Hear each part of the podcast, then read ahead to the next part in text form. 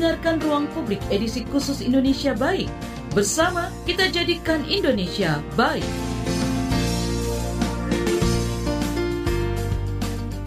Selamat pagi, kita berjumpa kembali dalam Ruang Publik KBR edisi Indonesia Baik. Bersama saya Naomi Liandra. Pagi ini kami mengangkat tema generasi muda memaknai kemerdekaan. Indonesia baru saja merayakan kemerdekaannya yang ke-78 kemarin. Banyak kegiatan yang dilakukan untuk merayakannya setiap tahun.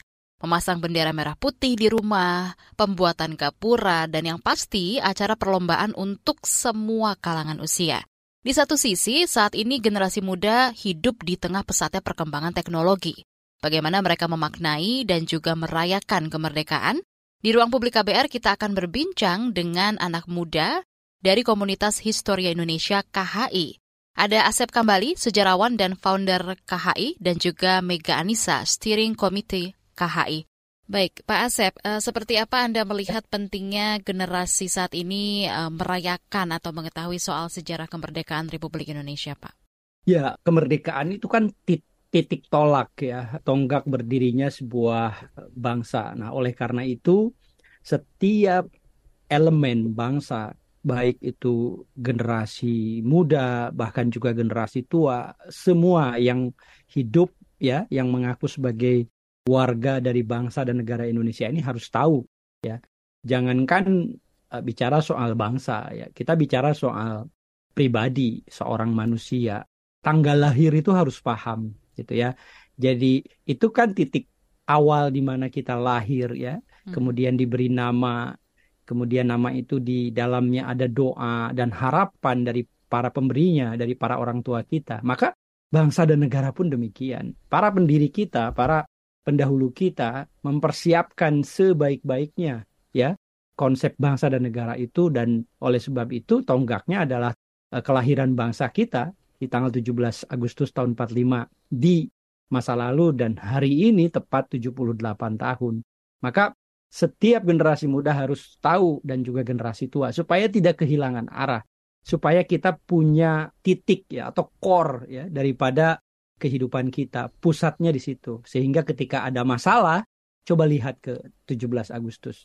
Yang mendirikan bangsa dan negara ini ada orang Tionghoa loh ada orang Arab loh ada orang Aceh ada orang Papua ada orang uh, dari berbagai bangsa. Maka kalau kita ingat kembali ke situ, oh iya, dulu ternyata kita berdirinya bangsa ini karena para pendahulu kita bersumpah untuk bersatu di atas segala perbedaan. Nah, jadi persatuan di atas segala perbedaan ini landasan. Maka 17 Agustus, meskipun dia bukan awal milestone itu, tapi ada pendahulu-pendahulunya sehingga kemudian terjadi kristalisasi tanggal 17 Agustus, itu adalah proses. Tetapi minimal ya milestone itu harus dipahami oleh generasi muda. Demikian. Oke, baik. Lalu ada upacara bendera, terus juga lomba-lomba gitu ya, berbagai lomba yang dilakukan kantor-kantor pemerintahan, kantor swasta, terus juga dari komunitas dan juga masyarakat umum, tentunya untuk merayakan gitu ya, atau memperingati Hari hmm. Kemerdekaan ini. Dan Anda juga pernah bilang dalam sebuah wawancara dengan media internasional, perlombaan yang sering diadakan pada peringatan Hari Kemerdekaan Indonesia ini termasuk panjat pinang dan balap karung begitu ya. Nggak punya efek mhm. positif dalam momen kemerdekaan begitu ya Anda mengatakan. Mungkin bisa dijelaskan yeah. nih Pak Asep, apa nih nggak punya efek positifnya dalam momen kemerdekaan ini lomba-lomba seperti yang tadi saya sebutkan? Iya, uh, begini. Jadi masyarakat kita kan apa biasa karena terbiasa gitu. Jadi seolah-olah ini ini yang paling benar karena kita biasa melakukan seperti ini gitu. Nah, um, banyak masyarakat yang tidak memahami bahwa perlombaan-perlombaan itu seperti yang saya sampaikan tadi tidak ada efek positif. Meskipun banyak yang mengklaim bahwa sebenarnya ada efek positifnya gitu ya. Misalnya uh, jadi ber, uh, ber apa namanya bersatu kita gotong royong gitu. Yes, hmm. ada. Ada.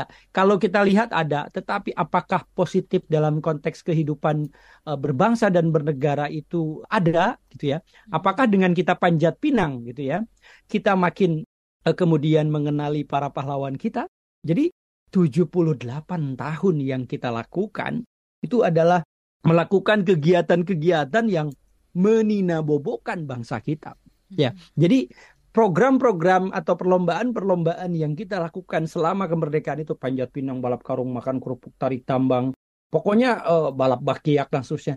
Itu semuanya tidak ada refleksi, tidak ada retrospeksi, tidak ada upaya untuk mengenali apa yang telah dilakukan. Meskipun ya udahlah yang lalu biar yeah. berlalu kita cari yang baru. Ada gium itu menjadi dogma bagi seluruh generasi muda dan generasi tua di Indonesia untuk kita melupakan masa lalu untuk tidak mau kita kembali belajar sejarah. Nah, makanya di sinilah saya kemudian menyadarkan ada ada dampak dari kita melakukan sesuatu. Misalnya gini, panjat pinang ya. itu adalah permainan tertua, ya perlombaan tertua yang ada di Nusantara ini. Hmm. Ya, panjat pinang ini dibawa oleh orang-orang Tionghoa dari negeri Tiongkok sejak zaman dinasti Qing dan Han. Ya, atau Han dan Qing karena duluan Han kalau tidak salah ini 1000 1800 hampir hampir 2000-an tahun yang lalu ya yang uh, dan dan festival ini menjadi uh, kemudian dilarang di, di, di Tiongkok sana oleh dua dinasti ini karena ribuan orang meninggal gara-gara upacara festival hantu namanya yang di dalamnya ada memanjat pohon itu dan di atasnya ada hadiah. Nah, hmm. kemudian perlombaan ini dijadikan perlombaan massal di Hindia Belanda ya. sejak zaman Belanda ya dari zaman VOC kemudian zaman Hindia Belanda untuk memperingati hari lahir daripada kota Jakarta yang jatuh pada setiap tanggal 30 Mei sejak 1619 kemudian dilakukan terus-menerus untuk memperingati raja dan ratu Belanda siapa yang bertahta tanggal lahirnya di dirayakan pernah hmm. merayakan bulan April hmm. pernah merayakan bulan Mei tergantung raja dan ratunya ini lahir dan saya pernah uh, apa namanya ikut hadir dalam perayaan ini. Cuma pemerintah Belandanya sudah tidak menjajah lagi, tapi saya hadirnya di satu hotel uh, pemerintah Belanda yang mengundang gitu. Ya bayangin kalau masih hmm. bertahta, masih orang Belanda masih menjajah kita, mungkin perlombaan itu di mana kita bangsa pribumi ya atau mohon maaf tidak ada lagi kata istilah pribumi, tapi saya menyebutnya bumi putra. Hmm. Kenapa? Karena uh, orang Tionghoa yang mendirikan negara ini, orang Arab yang mendirikan bangsa ini dan negara ini adalah mereka juga adalah kaum bumi putra, mereka lahir apalagi mereka lahir di sini. Artinya setiap pendiri, setiap masyarakat yang mendirikan negara ini kita bisa katakan bahwa mereka adalah warga bangsa dan warga negara kita. Nah, jadi pada uh, apa namanya perlombaan-perlombaan itu yang bermain itu adalah kita. Di atasnya ada keju, di atasnya ada kemeja, yang masa itu boro-boro kita makan keju. Makan kejo saja dalam bahasa Sunda artinya nasi. Hmm. ya Jadi kejo saja kita nggak mampu. Yang kita makan itu adalah bekas makanan orang lain, bulgur, nasi campur jagung, ya jagungnya yang lebih banyak. Karena kita nggak mampu, apalagi kemeja. Banyak yang nggak pakai baju. Yang kalaupun pakai baju kita bekas kain terigu. Jadi hal-hal uh, yang kemudian dininabobokan dibikin oleh Belanda dan mereka melihat kita tertawa mereka melihat hmm. kita uh, terpingkal-pingkal ya karena kolornya merosot. Nah, yang paling parah adalah jatuh, patah lehernya, patah tulangnya dan itu tidak seberapa.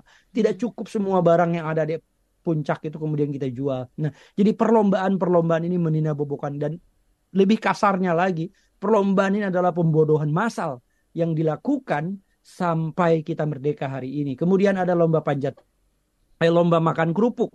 Hmm. Itu adalah lomba kemelaratan.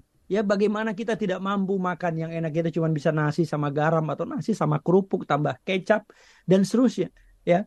Kenapa nggak misalnya bikin uh, lomba makan nasi padang tiga piring ya atau tiga bungkus lomba makan pizza satu meter ya dan seterusnya. Jadi kita bikin perlombaan-perlombaan yang kekinian yang bikin mengenyangkan yang menurut saya jauh lebih uh, misalnya uh, apa namanya menyehatkan karena ya. musik mungkin banyak Baik. orang yang tidak mampu makan. Kemudian lomba balap karung simbol tanam paksa karena pakai karung goni. Dulu hmm. komoditas-komoditas tanam paksa itu menggunakan karung goni.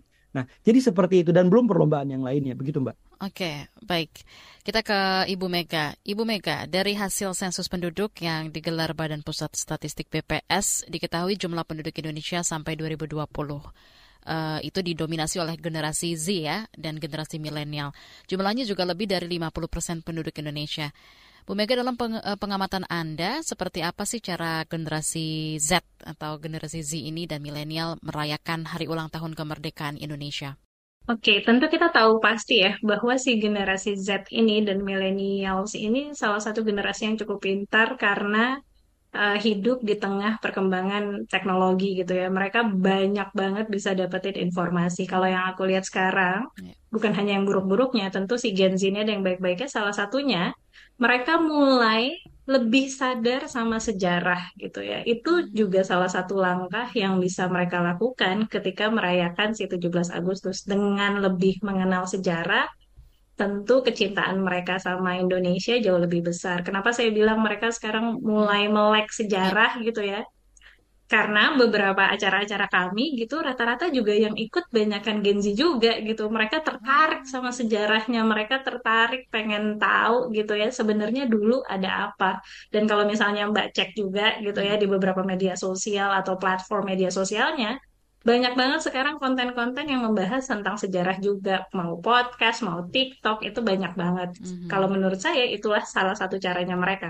Mulai melek sejarah, mulai melek politik, mulai bikin eh, hal-hal positif terkait gitu ya kebudayaan bangsa gitu terkait memperkenalkan produk bangsa gitu itu salah satu yang mereka lakukan sih belakangan ini. Oke, baik Bu. Nah, kalau dari sisi kegiatan komunitas Historia Indonesia sendiri, seperti apa sih pengaruh besarnya presentasi Gen Z ini dan milenial dan milenial terhadap program-program kegiatan KHI, Bu Mega? Tentu berpengaruh. KHI sendiri sebagai komunitas sudah tumbuh selama 20 tahun. Selama 20 tahun saya boleh bilang komunitas Historia Indonesia adalah salah satu komunitas yang mengikuti perkembangan. Karena karena KHI mengikuti perkembangan, maka peminatnya pun gitu ya jadi beragam, bukan cuma orang-orang around 30 something gitu ya, bahkan yang Mhm. muda-muda juga ikutan sama program-program kami. Dan kalau misalnya uh, di dalam komunitas Historia Indonesia sendiri, banyak juga relawan-relawan kami yang Gen Z dan millennials. Ide-idenya mereka itu memberikan insight yang baik juga buat komunitas kami gitu. Oke, baik. Nah, eh, kalau bisa dikulik lagi gitu ya, keterlibatan Gen Z ini atau Gen Z ini di KHI di KHI sendiri seperti apa nih Bu Mega yang Anda lihat? Oke, keterlibatannya banyak. Sebagai Hmm, contoh gitu ya, di dalam tim kami gitu ya, eh, anak media sosialnya nih Gen Z. oke. Ide-idenya tuh bertumbuhnya tuh selalu cepat. Jadi kalau misalnya Mbak gitu ya lihat IG kami, nah Mhm, itu tuh salah satu langkah nyata dari Gen Z dan millennials gitu ya. Oke. Gimana mereka bikin konten menjadi lebih menarik, gimana mereka menarik sesama usianya gitu ya, dan juga orang-orang di sekitarnya untuk lebih tertarik sejarah gitu. Nah, boleh tahu IG-nya apa nih Mbak? Dimension? Wah, dicatat ya nih teman-teman yang mendengarkan gitu ya. Teman-teman bisa cek Instagramnya komunitas Historia. Di situ banyak banget kegiatan kami gitu ya. Banyak banget juga informasi terkait komunitas kami. Jadi jangan sampai nggak follow ya.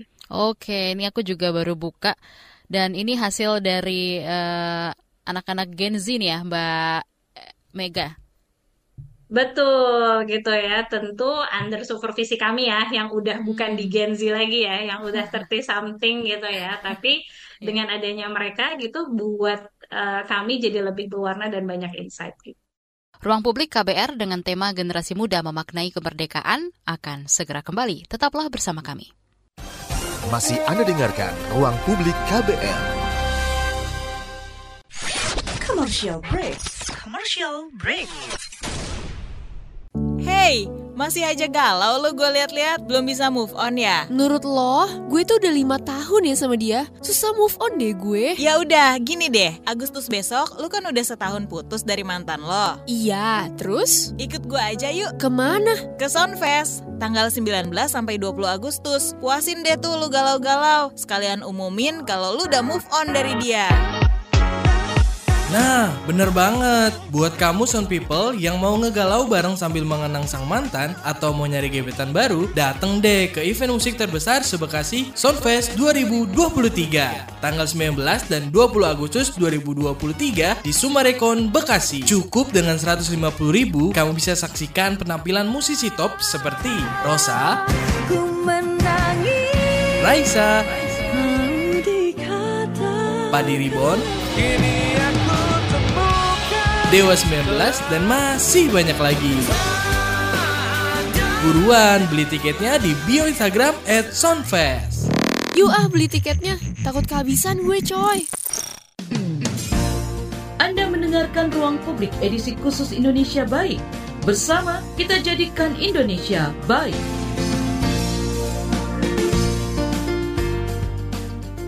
Anda masih menyimak Ruang Publik KBR edisi Indonesia Baik dengan tema Generasi Muda Memaknai Kemerdekaan.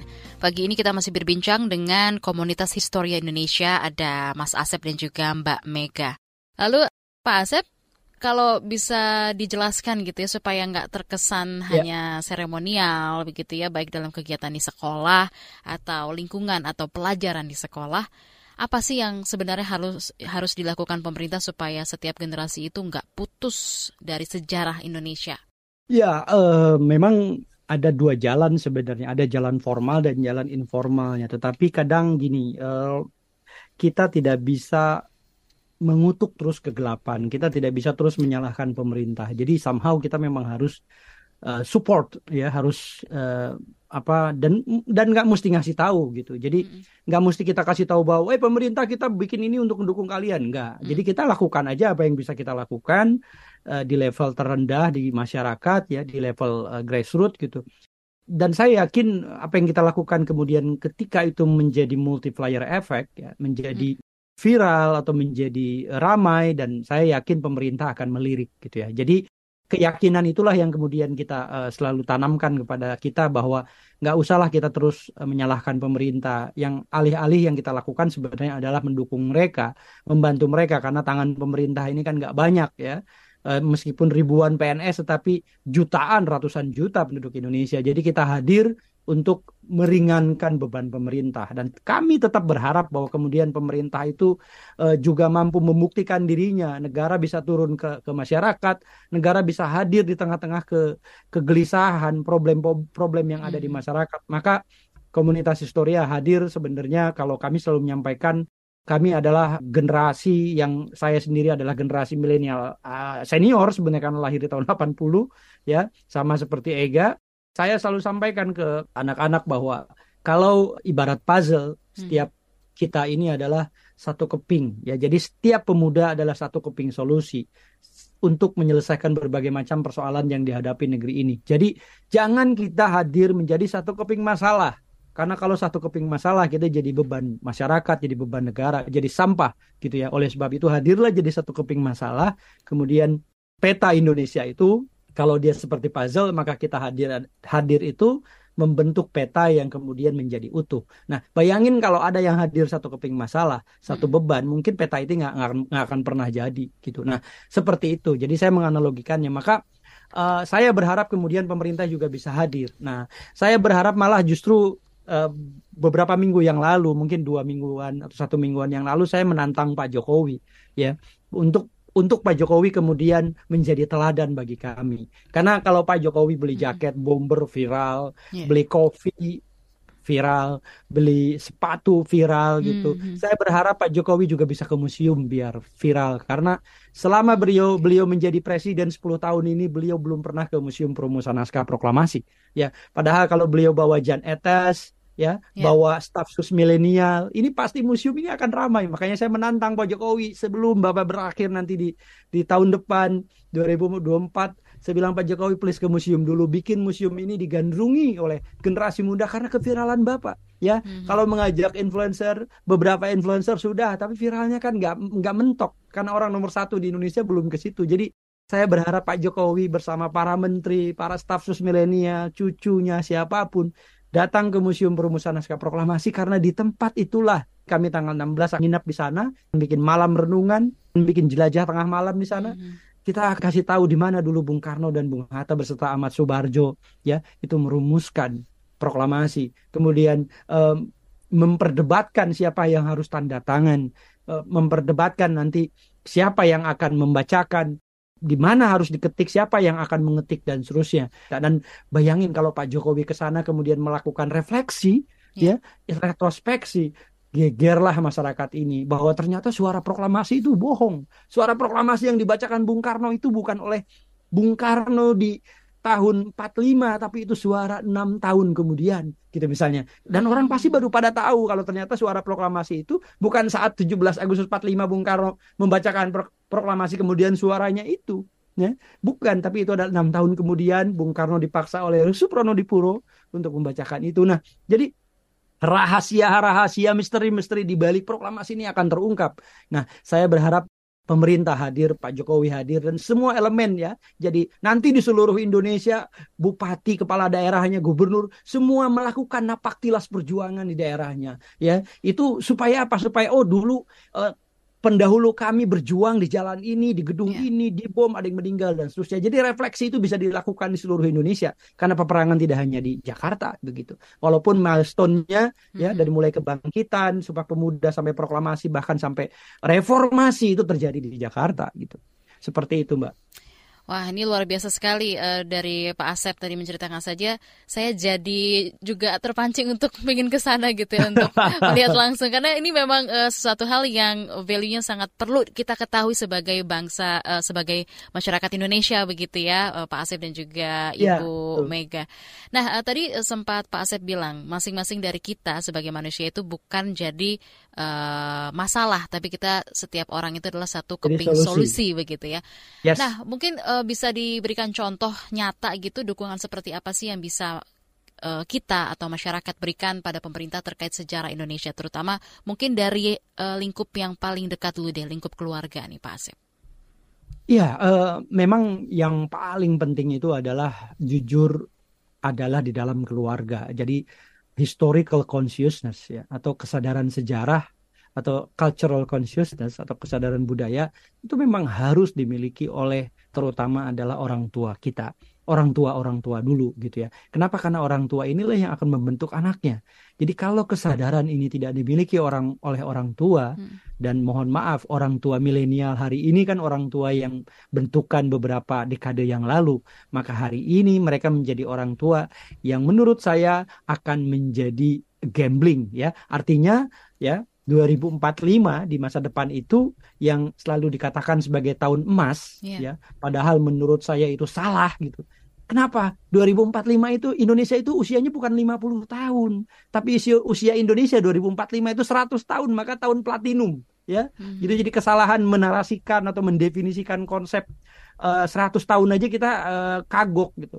Okay. Itu adalah 100 tahun Indonesia. Maka 2045 generasi yang hari ini lahir ya masih usianya belasan tahun di 2045 mereka akan memimpin negara ini. Bayangkan kalau kesadaran sejarahnya rendah ya hmm. mereka tidak tahu lagi bahwa negara ini didirikan oleh semua etnis dan semua umat beragama jangan-jangan 2045 hanya oleh orang Islam yang teriak Allahu Akbar dan para santri para ulama lah negara ini didirikan what gitu kan tidak, padahal ada TB Simatupang ya dari hmm. Nasrani. Hmm. Jadi negara ini diperjuangkan oleh umat Nasrani, umat Buddha, umat Hindu, umat Konghucu, ya, ya kan?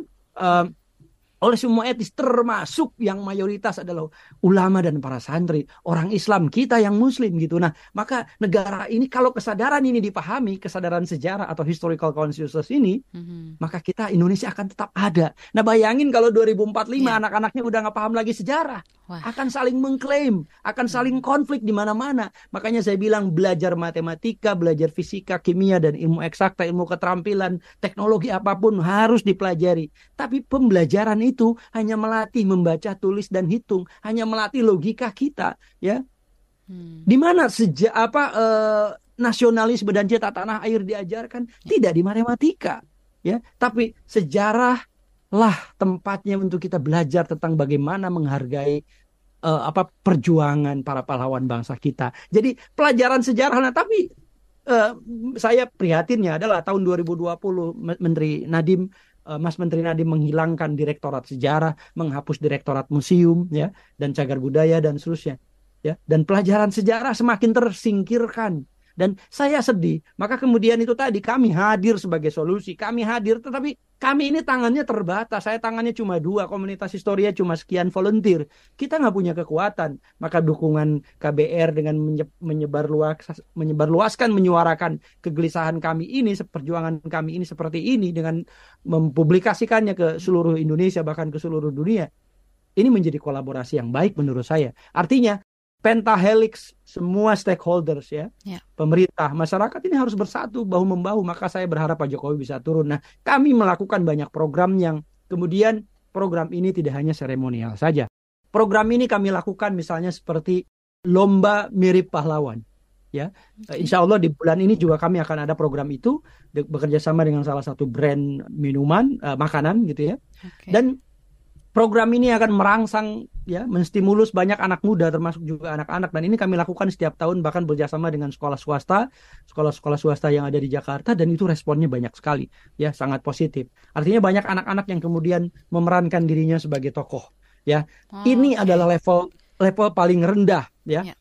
dalam dalam upaya mem- apa eh, membangun nasionalisme ini. Saya katakan janganlah kalian berlomba-lomba bergaya mirip Kartini Janganlah kalian berlomba-lomba bergaya mirip Kartini, tapi berlombalah berkarya seperti Kartini. Karena Indonesia tuh kalau udah hari Kartinian gitu ya, itu Ya. lomba gede-gedean sanggul, pakai kebaya gitu. Kartini tuh pasti nangis. Bukan itu yang diharapkan oleh Poinnya Kartini. bukan itu ya. Oke. Ya, poinnya Hmm. ya jadi artinya segala perlombaan itu terkadang me- me- apa tidak merefleksikan ya bagaimana perjuangan eh, para pahlawan ya termasuk eh, apa namanya eh, cita-cita karyanya itu tidak tidak tereksplor gitu. Ya. jadi yang benar itu adalah mari kita berlomba-lomba berkarya seperti apa yang sudah dilakukan para pejuang dan para pahlawan bangsa. Nah jadi mirip saja itu belum cukup. Mesti bisa kita kemudian menarasikan. Kita mesti paham apa perjuangannya dan seterusnya. Maka kami bikin lomba eh, banyak yang berkenaan dengan eh, apa misalnya ada juga Historia Amazing Race. Ada menginap di museum ya. Ada banyak program em, yang kita lakukan gitu ya baik online maupun offline. Seperti itu Oke, sebelum nanti eh, mau tanya-tanya juga nih sama Pak Asep begitu ya lomba mirip pahlawan itu yang seperti apa mungkin bisa di-spill juga. Tapi ke Bu Ya. Mega dulu nih, Bu Mega, KHI ini kan Ya. sebuah organisasi yang punya tujuan untuk membangun kesadaran nasionalisme orang Indonesia ya lewat pendidikan sejarah dan juga budaya. Yang tahun ini eh, genap usianya 20 tahun ya. Nah, ini apa yang jadi program prioritas KHI di tahun 2023? Mungkin yang tadi seperti sudah disampaikan oleh Pak Asep kah atau seperti apa? Bisa dijelaskan, Bu? Silakan. Betul, tadi sebagian besar sudah disebutkan oleh Pak Asep ya bahwa kita gitu ya sedang berusaha kalau bahasa ininya bahasa filmnya gitu mencuci otak gitu ya. Oke. Mencuci otak generasi-generasi sekarang untuk lebih mengenal sejarah.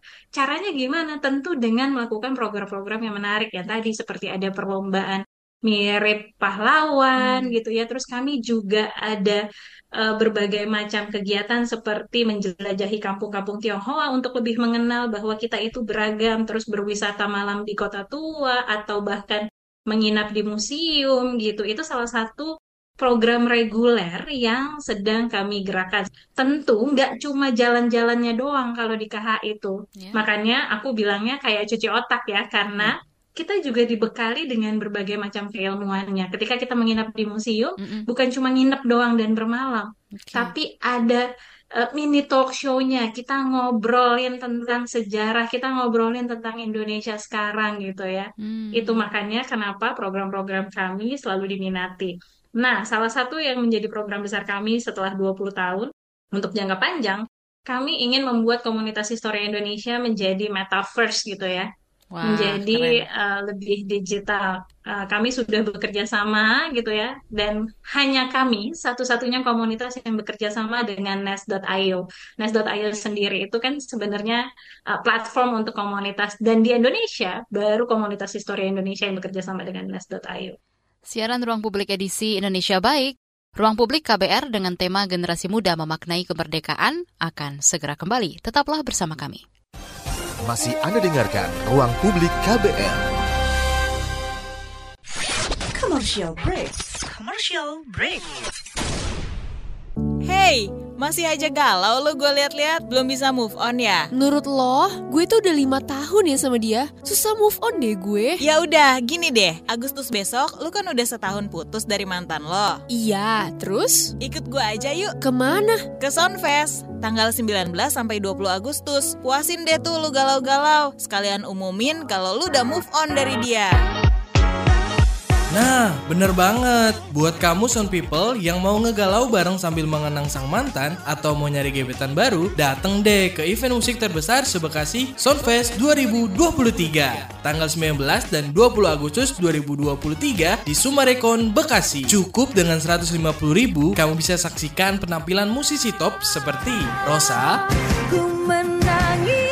Raisa, Padi Ribon, Dewa 19 dan masih banyak lagi. Buruan beli tiketnya di bio Instagram at Soundfest. Yuk ah beli tiketnya, takut kehabisan gue coy. Anda mendengarkan Ruang Publik edisi khusus Indonesia Baik. Bersama kita jadikan Indonesia baik.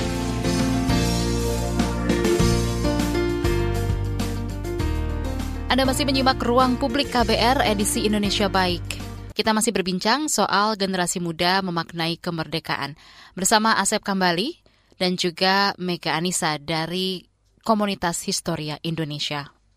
Mantap sekali ya. Jadi untuk Anda pendengar yang penasaran seperti apa sih uh, komunitas Historia uh, Indonesia ini bisa langsung mampir ke Instagramnya. Mungkin bisa dikepoin dulu gitu ya uh, Pak Asep dan juga Ibu Mega di @komunitashistoria. Nanti di situ bisa dilihat deh. Nah tapi uh, ngomong-ngomong kalau mengikuti kegiatan itu pesertanya uh, ada batasan usia nggak sih uh, Bu Mega? tentu ada batasan usianya ya. Hmm. Uh, kalau menginap di museum gitu ya, kalau misalnya mau bawa anak-anak hmm. gitu, sebisa mungkin yang uh, sudah bisa dikasih tahu itu kayak 10 tahun ke atas deh kita yeah. saraninnya gitu. Karena memang kan kalau di museum ada berbagai macam properti yeah. yang nggak bisa sembarangan untuk dipegang gitu ya kan kita tahu kalau misalnya anak-anak yang lebih muda gitu yang lebih kecil gitu ya anak usia dini itu lebih susah plus kalau misalnya kita menginap di museum itu bener-beneran bermalam di museumnya gitu jadi butuh anak yang usianya lebih dewasa gitu Oke, nah boleh uh, agak sedikit uh, balik lagi tadi ke salah satu yang tadi di mention sama Pak Asep dan juga Bu Mega ya. Lomba mirip pahlawan itu seperti apa sih maksudnya uh, karakternya kah atau itu supaya nanti anak-anak itu mencari tahu atau peserta itu mencari tahu pahlawan ini karakternya seperti apa untuk di di apa namanya dipresentasikan atau seperti apa nih? Mungkin bisa di-spill dari Pak Asep? Ya, uh, lomba mirip pahlawan ini sebenarnya adalah uh, lomba yang paling sederhana gitu ya, yang paling sederhana Bahkan uh, lomba itu uh, sebenarnya mulai mulai kita lebih sederhanakan pada saat pandemi kemarin gitu. Jadi kita hmm. wah ini kegiatan apa yang melibatkan masyarakat tapi bisa aktif gitu. Nah, dilalahnya beberapa sekolah swasta itu uh, siap ya untuk me menjadi uh, eksekutor gitu. Nah, kami kami kemudian memberi sebagai konsultan gitu ya sebagai konsultannya mereka sebagai jurinya uh, kami juga mempersiapkan hadiah gitu ya membantu mereka. Dan alhamdulillah kegiatannya uh, cukup menarik dan bahkan itu tidak hanya uh, level wilayah Jakarta gitu tapi pesertanya dari seluruh Indonesia. Dan itu di dipanitiai gitu ya oleh anak-anak SD dan SMP gitu ya. Wah, itu menarik gitu. banget. jadi uh, panitianya bahkan pembawa acaranya mereka gitu ya Lucu uh, banget jadi ya. pada pada saat penjurian uh. dan uh, apa sebelum saya lupa sebelum apa setelahnya gitu ya uh -huh. atau pada saat perlombaan itu kemudian mereka bikin kayak webinar gitu dan saya memberikan uh, kayak seperti ini gitu tapi mungkin -huh. lebih uh, lebih sederhana kepada anak-anak itu jadi memberikan kayak memberikan bahan bakar gitu ya pada mereka -huh. untuk kemudian mereka uh, berani tampil uh, berani uh, apa eksis gitu ya berani uh, dan berani mencari ya mencari tahu gitu. Jadi teknisnya adalah si anak-anak ini kemudian uh, harus mencari tahu uh, pahlawan-pahlawan Indonesia. Kemudian mereka mencari seperti apa sih uh, sosok penampilan para pahlawan ini di dalam foto atau dalam keseharian gitu. Kemudian nanti mereka uh, uh, kemudian harus men, me, me, me, me, menyulap dirinya gitu ya menyulap dirinya menjadi mirip seperti para pahlawan tersebut dari segi penampilan dari baik dari atas rambut sampai ujung kaki. Nah, tapi yang paling sederhana biasanya setengah badan. Jadi eh, rambut, tangan, kemudian eh, apa namanya sampai dada gitu ya. Mm. Nah, nanti Kemudian uh, karena ini ada lom, uh, banyakan lombanya foto gitu, jadi mereka berpose gitu, seperti para pahlawan itu, dan nanti disambi, disandingkan di sebelahnya gitu ya. Jadi misalnya pahlawannya di sebelah di sebelah kiri mereka, di sebelah kanan ya, di sebelah di sebelah kanan di, ya, di sebelah kiri kita. Jadi pahlawannya di kiri, kalau gambar uh, di sebelah kanan kita itu merekanya gitu. Jadi tetap pahlawannya didahulukan dan apakah mereka mirip? Dan nanti dilihat dari dari berdasarkan apa yang uh, uh, gambar pahlawan tersebut gitu. Nah dan menariknya adalah banyak di antara mereka yang mirip gitu ya, meskipun dengan uh, prop seadanya, properti seadanya gitu, mereka bisa menampilkan dirinya uh, bak pahlawan gitu. hmm. gitu. Nah, tapi ada lagi untuk level SMA biasanya atau level uh, eh, SMA saya lupa SMA atau SMP SMA lah gitu ya. Okay. Itu mereka harus bercerita. Itu lombanya biasanya uh, lomba uh, apa namanya ada dua jadi ada foto atau ada lomba uh, video menarasikan. Jadi mereka berdandan seperti pahlawan, hmm. tapi mereka harus bercerita. Uh, misalnya ceritanya adalah dia mem, yeah. me, me, me, menokohkan dirinya. -hmm. Misalnya kalau di Sudirman mm uh, teman-teman uh, saya adalah Jenderal Sudirman. Uh, saya lahir di sana uh, di mana gitu dan seterusnya sampai kemudian saya uh, pergi ke hutan uh, bergerilya berjuang bersama tentara bersama pasukan saya gitu. Jadi dia mesti menarasikan seolah-olah dirinya Sudirman gitu. Hmm. seperti itu. Nah jadi um, hal-hal seperti ini sebenarnya adalah upaya yang step by step gitu ya yang dimulai dari level paling uh, bawah sampai nanti di level paling uh, rumit gitu ya. Artinya paling paling uh, bersifat analisis gitu ya. Bahkan nanti bersifat akademis. Itu semua perlombaan. Jadi di jadi sejarah itu disampaikan mbak. Hmm. itu berbeda levelnya. Di SD itu estetis ya di SMP itu uh, uh, di SD etis mm -hmm. di SMP estetis di SMA uh, analisis di perguruan tinggi akademis gitu ya. Jadi uh, tiga tiga empat tahapan ini sebenarnya empat uh, tahapan dalam pembelajaran sejarah. Meskipun ini konsep lama, tapi menurut saya masih relevan. Walaupun kadang di SMP di SMP udah bicara analisis gitu ya, mm-hmm. udah bicara sebab akibat, udah bicara kenapa dan seterusnya. Walaupun sebenarnya sederhananya SD itu ya mereka masih harus kenal dulu aja, yeah. harus tahu oh ini di Penogoro gitu ya, mm-hmm. oh ini burung Garuda, ada ada ada delapan gitu uh, ekornya bulunya di di sayapnya ada uh, apa eh, tujuh belas gitu ya di di lehernya ada empat uh, lima gitu bulunya. Nah hanya sebatas itu gitu. Okay. uh, ketika anak saya SD ditanya uh, berapa uh, kenapa burung garuda ada delapan ekornya ini? Ini tuh apa sih maksudnya? gitu. Hmm. uh, belum tahu gitu. Oh karena belum diajarkan. Terus saya kasih tahu. Ya, terus hmm. dia kasih tahu teman-temannya jadi mendahului gitu kan. Yeah. Saya bilang jangan kasih tahu dulu nanti bingung nanti gurunya juga belum sampai ke situ. Okay. apa-apa lah biar seru aja kata anak saya. Gitu jadi uh, uh, ditanya juga siapa yang membuat lambang Garuda ini gitu. Mm. Uh, mereka uh, belum tahu juga gitu. Bilang bilangnya Soekarno gitu karena Soekarno yang iya. bikin Pancasila kan. Mm. Tapi siapa ini hampir belum tahu gitu. Apalagi kalau ditanya uh, apa uh, yang lebih dalam lagi soal itu mereka. Jadi memang ada tahapan-tahapannya ya ya SD itu mem, me, apa etis aja dulu. Ya sebatas tahu saja gitu. Oh ini seperti ini oh ini seperti itu gitu. tapi uh, benar nggak sih sejarah itu jangan dihafal tapi dipahami Pak Asep Ya, uh, mulanya memang hmm. memang uh, maksudnya memang begitu, tetapi hmm. pada kenyataannya uh, pada prakteknya mau tidak mau uh, kita harus hafal gitu ya. Okay. Karena dari hafal nanti memahami. Nah, tapi hafal dalam dalam dalam maksud ini hmm. uh, maksud saya bukan kemudian uh, kita harus tahu persis hmm. uh, tempat tanggal lahir yeah. Ya. uh, tahun jam itu itu terlalu rumit ya. Saya sendiri tidak paham tidak semua pahlawan saya paham tanggal lahir dan tanggal bulannya. Tapi... ya tapi setiap pahlawan uh, saya tahu uh, perjuangannya karyanya gitu ya. Jadi apa yang dilakukannya gitu. Nah maka ketika kita tahu itu peristiwanya gitu. Oh peristiwanya. Jadi gini untuk mengingat itu jangan mula dari angka. Jangan mulai dari dari dari dari tanggal tahun tapi dari peristiwa. Peristiwanya apa oh G30 oh tahu itu tahun 65 gitu ya kadang saya uh, hafal sekali peristiwa tapi kadang lupa juga tahunnya gitu. kayak dinasti Han dinasti King ini persisnya tahun berapa ya dari tahun berapa gitu saya juga nggak terlalu hafal tapi perkiraan oh abad ketiga nih oh abad uh, abad uh, ketiga sebelum uh, setelah ya. masehi yeah. oh abad ke 12 13 uh, masehi gitu kan jadi jadi seperti itu Tapi Jadi lebih ke kita tahu peristiwanya yang kita harus eh, pahami dan peristiwanya, mengerti ya.